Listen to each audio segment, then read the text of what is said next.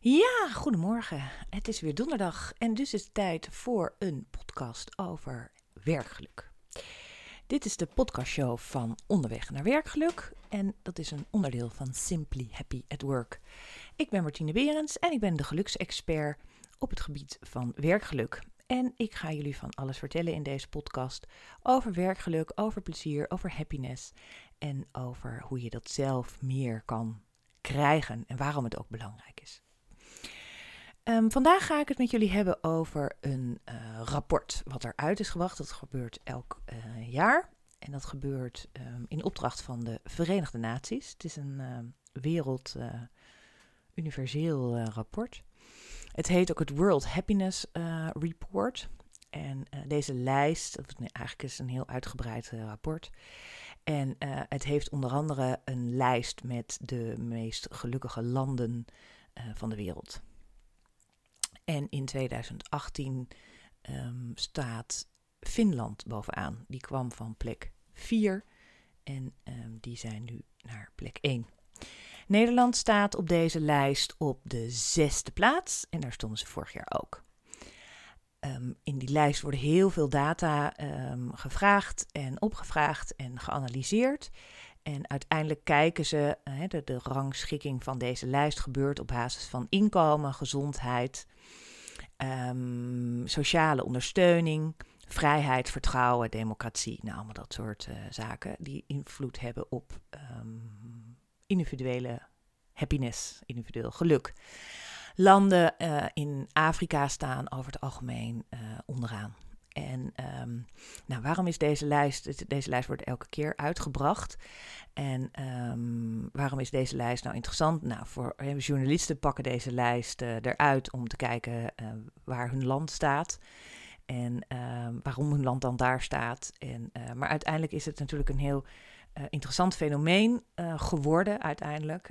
omdat uiteindelijk in, in eerste instantie is geluk natuurlijk een vrij softe uh, soft begrip. Het is heel lastig om daar heel uh, harde en duidelijke feiten aan, uh, aan te koppelen of analyses op te maken. Omdat het een, ja, een vaag begrip is, wat niet heel goed te definiëren is. Iedereen heeft ook zijn andere definitie. En eigenlijk heel lang zat geluk in de uh, sfeer van de psychologie, sociologie.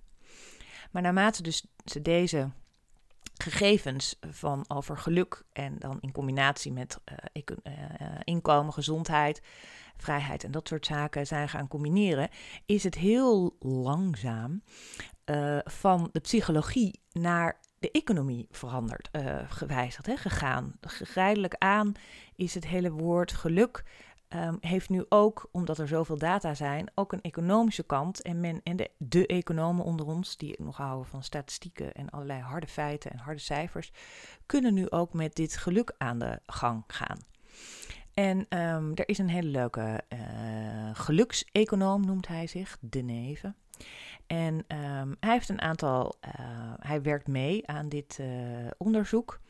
En uh, hij is ook uh, professor of hoogleraar in Oxford. Nou, in ieder geval, hij is de gelukseconoom die er heel veel uh, over kan vertellen. En hij heeft een heel, nou, aan de hand van bijvoorbeeld dit World Happiness Report, um, kan je ongeveer zeven feiten uit van werkgeluk destilleren of daaruit halen. En ik dacht, het is ook wel leuk om uh, eens even dat op een rijtje te zetten en te uh, lukraak een beetje uh, te gaan behandelen. En um, kijk, hij zegt van nou, het is heel duidelijk dat werknemers die gelukkig zijn, zijn gewoon rendabeler. En dat kan je in heel veel verschillende, komt dat tot uiting, maar uiteindelijk is dat gewoon een heel hard duidelijk feit. En hij zegt ook daarbij van, nou even uh, hè, met het bedrijf elke keer naar yoga gaan of een stoelmassage of een pingpongtafel neerzetten in een gemeenschappelijke ruimte. Dat is niet de oplossing om te zorgen dat je werknemers gelukkiger zijn. Wat hij ook wel interessant uh, zegt, is uh, nou, dat hij zegt van, nou weet je, als je kijkt naar de cijfers, um, van de gelukscijfers, de geluksdata noemt hij dat, dan had je ook aan de hand daarvan heel duidelijk kunnen voorspellen dat uh, de Brexit uh, de, kant op zou gaan. Hè? Dus dat, er, dat de Britten zouden stemmen voor de Brexit en dat Trump de overwinning zou behalen. Dat was uiteindelijk op basis van de, geluksdata, hè, dus de cijfers die daaruit voortkomen, is dat heel duidelijk, was dat van tevoren al te zien. En nou, dat maakt het ook interessant om, om toch zeker te kijken naar deze. Um, omdat het eigenlijk, zegt dat de geluksdata is een soort welzijnstemperatuur. En dat kan je een beetje kijken in een land. En uh, als je naar deze cijfers had gekeken, dan had je ook heel goed de Brexit kunnen voorspellen. En zeker ook de verkiezingsoverwinning van Trump omdat je kijkt dat als je uh, de kaart van Amerika voor je ziet met de meest ongelukkige regio's van Amerika en je ziet waar zij op hebben gestemd, dan zie je dat dat eigenlijk bijna elkaar overlapt. Um, dus en als je kijkt naar armoede, werkloosheid of huidskleur, dan had je lage scores op geluksindicatoren. En die mensen hebben allemaal op Trump uh, gestemd. Dus dat is al een heel grappig iets waar je ziet, uh, een leuk feitje over uh, het werkgeluk, dat deze data wel degelijk interessant zijn om een aantal dingen te voorspellen in de economie, hè, die je met economische dingen kan, kan voorspellen. Nou, wat ook nog een heel interessante, um, hij zegt hetzelfde. Hè? Hij zegt van, er zijn, dat heb ik al eerder gezegd, dat werkgeluk bestaat voor plezier. de, werkgeluk heeft eigenlijk drie elementen in zich. Plezier, emoties, samen, hè, je levensevaluatie of de groei en de mogelijkheden die je hebt en de betekenis die jouw werk heeft. En um, er is een heel grappig verhaal van een, uh, een journaliste die werkt, een Britse journaliste. En die klaagde over haar baas, over de werkomstandigheden, over de werkdruk, over haar lage salaris. En toen vroeg ze van ja, maar waarom, hè, waarom stop je er dan niet mee? En ze zei ja, maar ik werk voor de BBC. Dat is gewoon echt het medium, het medium waar je moet werken uh, als je zo gepassioneerd bent zoals ik over mijn vak. En dan moet je gewoon bij de BBC werken en daar werk ik. Dus daarom nam ze dat allemaal een beetje uh, voor lief. Dus dat is ook heel duidelijk dat je um, gaat kijken van um, dat je naar die drie elementen gaat kijken. En je kan bijvoorbeeld kijken als je naar uh, pleasure, uh, purpose, hè, de betekenis of, de, of het, uh, de talenten die je hebt en of je die wel voldoende inzet. Dan zou je kunnen kijken dat een kapper bijvoorbeeld best wel hoog scoort op pleasure omdat hij heel veel uh, sociale contacten heeft op het werk en daar heel veel plezier aan uh, beleeft. Maar dat misschien de purpose van zijn vak wat minder is. Hoewel ik ook kan voorstellen als jij een hele mooie uh, kapsel, kappel, een heel mooi kapsel maakt voor iemand die gaat trouwen, dan heb jij daar wel degelijk betekenis hebt. En aan de andere kant kan je bedenken dat iemand die bijvoorbeeld voor de VN werkt of de UNHCR dat hij heel veel voldoening uit, haalt uit het, feit, uit het feit dat zijn uh, functie heel betekenisvol heeft. Maar dat hij ook best wel veel negatieve emoties heeft, omdat je natuurlijk elke keer wel wordt uh, geconfronteerd met de misère om je heen, hè? de, de, de vluchtelingen en allemaal dat soort zaken. Dus dat, het mooiste is ehm, dat deze drie elementen uh, in evenwicht zijn um, in jouw werk. Dus dat je eigenlijk heel mooi kan uh, zorgen dat je. Uh, dat, je, dat je verschillende, dat je zoveel, dat je zowel plezier uit je werk haalt als betekenisvol werk hebt. En als je ook heel veel samen kan werken en dat je je talenten en je kwaliteiten optimaal uh, worden benut. Nou, wat ook een heel mooi feit is uit werkelijk, is dat op zich salaris niet het allerbelangrijkste is um, van van, of, om, het, uh, om je werk, uh, werkgeluk uh, te vergroten.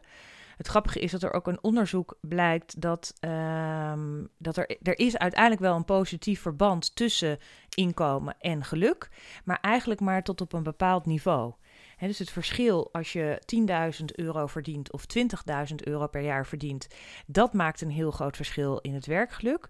Maar of je nou 80.000 euro verdient of 100.000 euro verdient, dat is eigenlijk dat effect op het, welk, op het werkgeluk is eigenlijk veel minder. En um, dat is wel een interessant omslagpunt. Je ziet dat, dat op een gegeven ogenblik uh, heb je, gaat het over geld. En, en soms kan je een beetje um, uh, ja, wat, wat ontevreden worden, omdat je vindt dat jij te weinig wordt betaald voor dat wat je doet of voor daar waar, waar je verantwoordelijk voor bent. Maar eigenlijk, dat, dat, dat zie je vooral dat het heel erg effect heeft op jouw werkgeluk als je wat minder uh, verdient. En naarmate je meer verdient, is het verschil tussen wat meer of minder salaris eigenlijk niet meer relevant.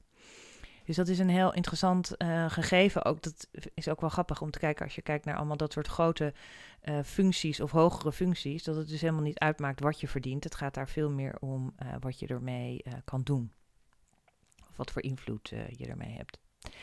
Wat ook een interessant iets is over werkgeluk, is dat um, werknemers hebben eigenlijk veel meer behoefte om. Um, om een andere manier beloond te worden. Dus wat ook wel eens interessant is als werkgever om eens na te denken van oké, ik kan, ik geef iemand, iemand verdient bij mij 40.000 euro op jaarbasis.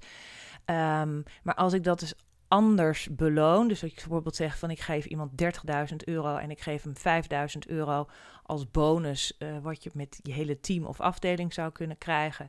En ik doe nog een keertje 5.000 euro in een soort aandelenoptie. Dan zal je zien dat deze werknemer zich veel meer betrokken voelt en ook zijn werktevredenheid uh, en werkgeluk veel uh, hoger ervaart dan iemand die 40.000 euro verdient. Dus dat is interessant dat je kan zien dat je op een andere manier uh, mensen, je kan, hè, dat het werkgeluk kan vergroten, omdat je ziet dat salaris niet heel erg uh, de belangrijkste factor is uh, voor werkgeluk. En dat eigenlijk een andere manier van belonen veel meer het werkgeluk vergroot. Wat daar ook bij een rol speelt, is dat je kijkt naar een soort werk-leven balans, work-life balance in mooi Engels. Dat Sommige, eh, als jij elke maandag rustig je kinderen naar school kan brengen, eh, zodat je wat later, hè, dat je daar wat relaxer in kan zijn, of dat je uh, thuis kan werken, of dat je deeltijd kan werken, of dat je, uh, hè, dat het gewoon, dat, je, dat er oog is voor het, het, verzorgen van je moeder die ziek is, of weet je, als je in dat soort dingen veel meer je werknemers tegemoet kan komen, dat dat eigenlijk ook een heel groot deel van je werkgeluk um, vergroot. En dat daar ook heel erg um, werkgeluk in zit. Dus het gaat eigenlijk helemaal niet zo over, uh, over geld, als wel meer dat het gaat ook om, om op een andere manier te kijken naar je werknemers en daarin tegemoet te komen. En als het kan, met de functie dat je hem inderdaad uh, zorgt dat vergaderingen later beginnen, zodat iemand iets kan doen met zijn kinderen of voor zijn vrouw. Dus daar zit werkgeluk in, niet zozeer in in andere, uh, meer, uh, meer andere zaken. Nou, wat ook een heel uh, leuk weetje is over um, werkgeluk, is dat. Um, um, even kijken, dat. ja, dus als je kijkt ook, dat vond ik ook best wel een chockerend, chockerend aspect.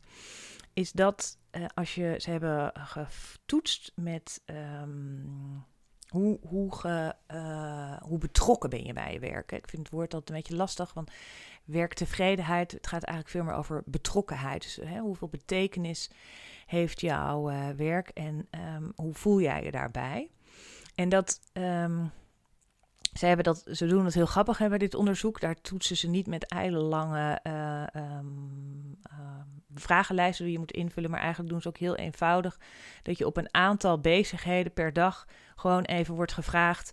Uh, ben je hier gelukkig of ben je hier niet gelukkig of minimaal. Je ziet wel eens een keer als je bij de, in Schiphol of ergens anders in een openbare toilet bent geweest, dan kan je aan het eind even aangeven van was het hier schoon, ben je hier tevreden over en dan krijg je van die smileys rood, groen en uh, oranje. Nou, als je dat op die manier even simpel kan doen, dan krijg je best wel veel data gekoppeld aan bepaalde bezigheden die je hebt in je functie.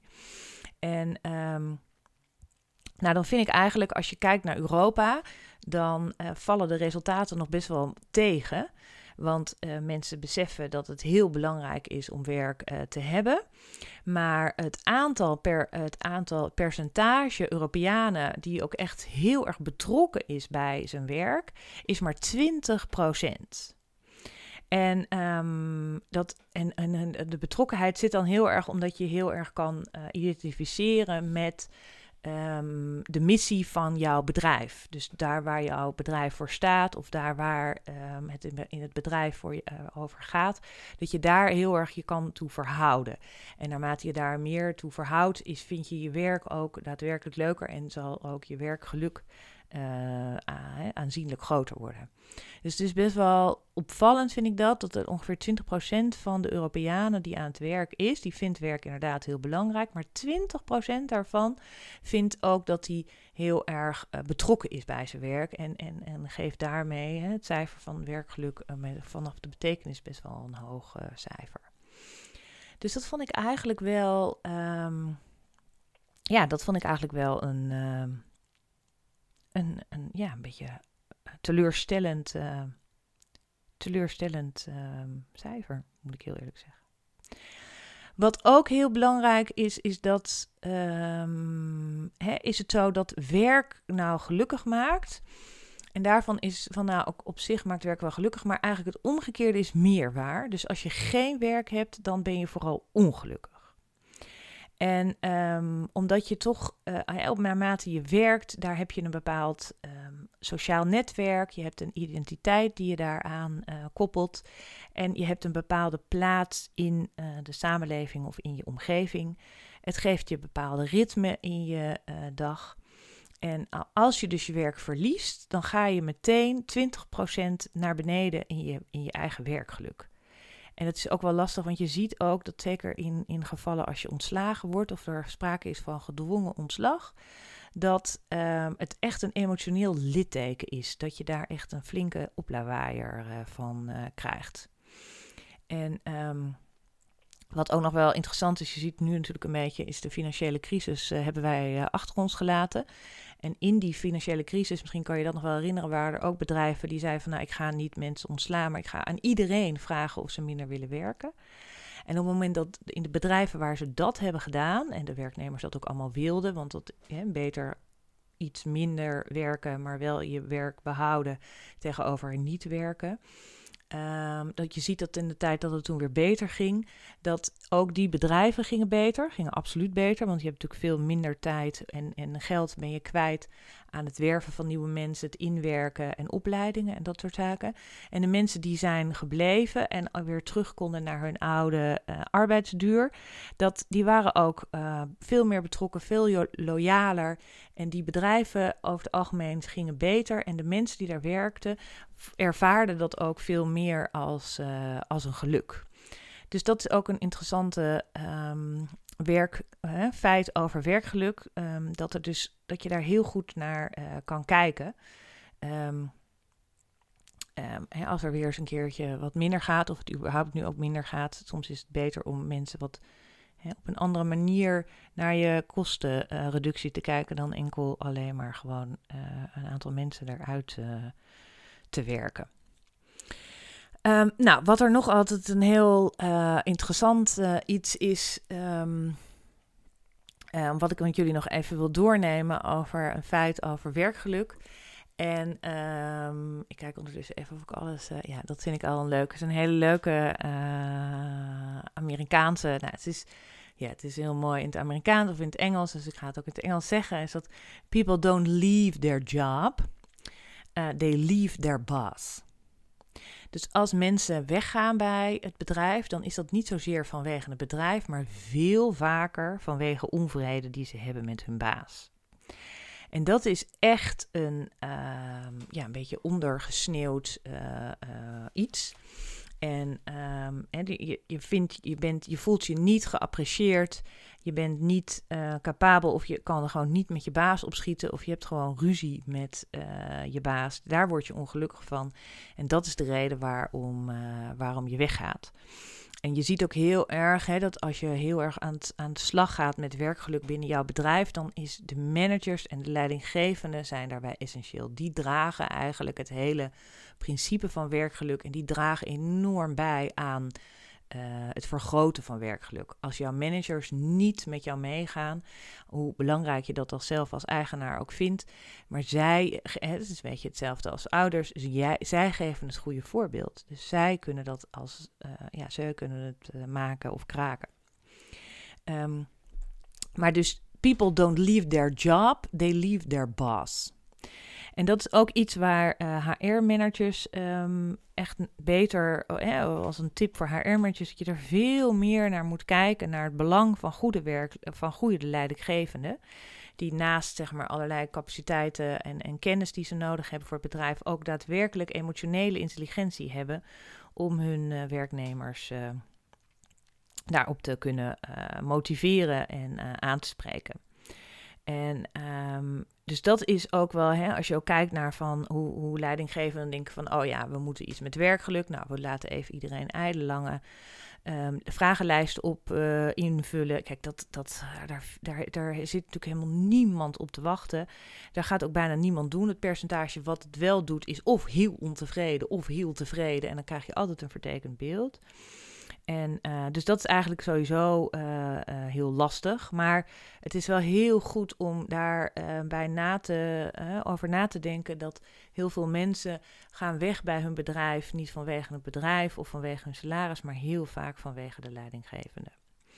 En ze hebben nu ook een, een onderzoek gedaan onder 550 telefonisten van de, de Britse KPN. En hebben ze ook wekelijks gepeld naar uh, hoe ze het vonden en uh, hoe ze het gaat.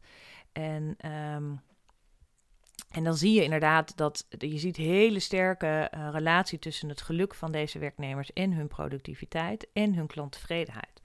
Dus hoe gelukkiger de telefoniste is, hoe, hoe groter de kans ook is dat de, de klant van British Telecom dat, dat die wordt aanbevolen naar aan iemand anders.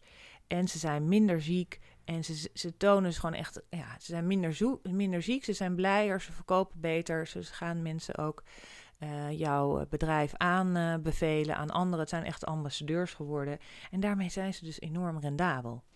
En daarmee is dat ook, um, hè, dus dat is ook, je ziet ook dat um, als je kijkt naar ziekteverzuim, dat kost gewoon heel veel geld per jaar. Ik, ik, het is echt een schrikbarend aantal uh, miljoenen euro's die je daar als in het bedrijfsleven mee kwijt bent, omdat mensen ziek zijn. En een heel groot deel van deze ziekte, verschijnselen of ziektedagen of langdurig of burn-out of wat soort dingen zijn allemaal, kan je allemaal voor een heel groot deel voorkomen als je veel aandacht besteedt aan je werknemers op de juiste manier, door de leidinggevende, gedragen door de directie.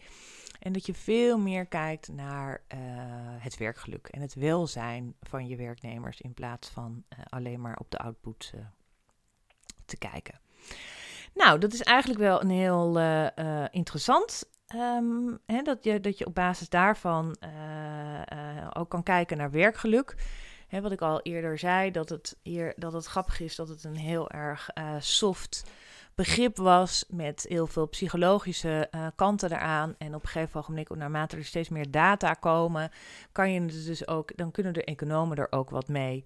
En de economen kunnen dan ook echt daadwerkelijk de resultaten van het werkgeluk zien. Dus het, het, salaris is niet het belangrijkste voor het werkgeluk. Als je geen werk hebt, dat maakt echt mega ongelukkig. Um, er zijn maar 20% van de Europeanen echt heel erg betrokken bij hun werk, omdat ze zich heel erg kunnen verhouden tot de missie van het bedrijf. Dus daarmee is zeg maar de purpose van het bedrijf ook ontzettend belangrijk. Als je op een andere manier je werknemers gaat belonen, dan vergroot dat ook een uh, aanzienlijk deel uh, van het werkgeluk. En um, ja, dat is ook wel interessant dat als je aan de hand van de uh, geluksdata had gekeken, dan, uh, dan hadden alle voorspellers kunnen zien dat er een brexit zou aankomen. En ook dat uh, Trump in Amerika, Trump in Amerika, um, aan de touwtjes zou gaan trekken. En, um, dus dat maakte dat het echt wel een heel interessant verhaal is. En je ziet ook dat er steeds meer aandacht wordt besteed aan, aan werkgeluk. En um, nou, naast het feit dat het ook vooral een menselijke, groot deel menselijke kant heeft, heeft het dus ook een economische en een bedrijfseconomische kant. Oké, dat was het. Het gaat dus over het World Happiness Report van 2018. Kijken waar we in 2019 of Nederland een uh, stapje op de ladder uh, naar boven kan. Naar de vijfde plaats of misschien wel de vierde plek. En um, dat was het voor vandaag. Ik wil jullie ontzettend bedanken voor het luisteren naar werkgeluk. En uh, ik ben Martine Berend ben Simply Happy at Work. En ik kan van alles vertellen over werk, geluk en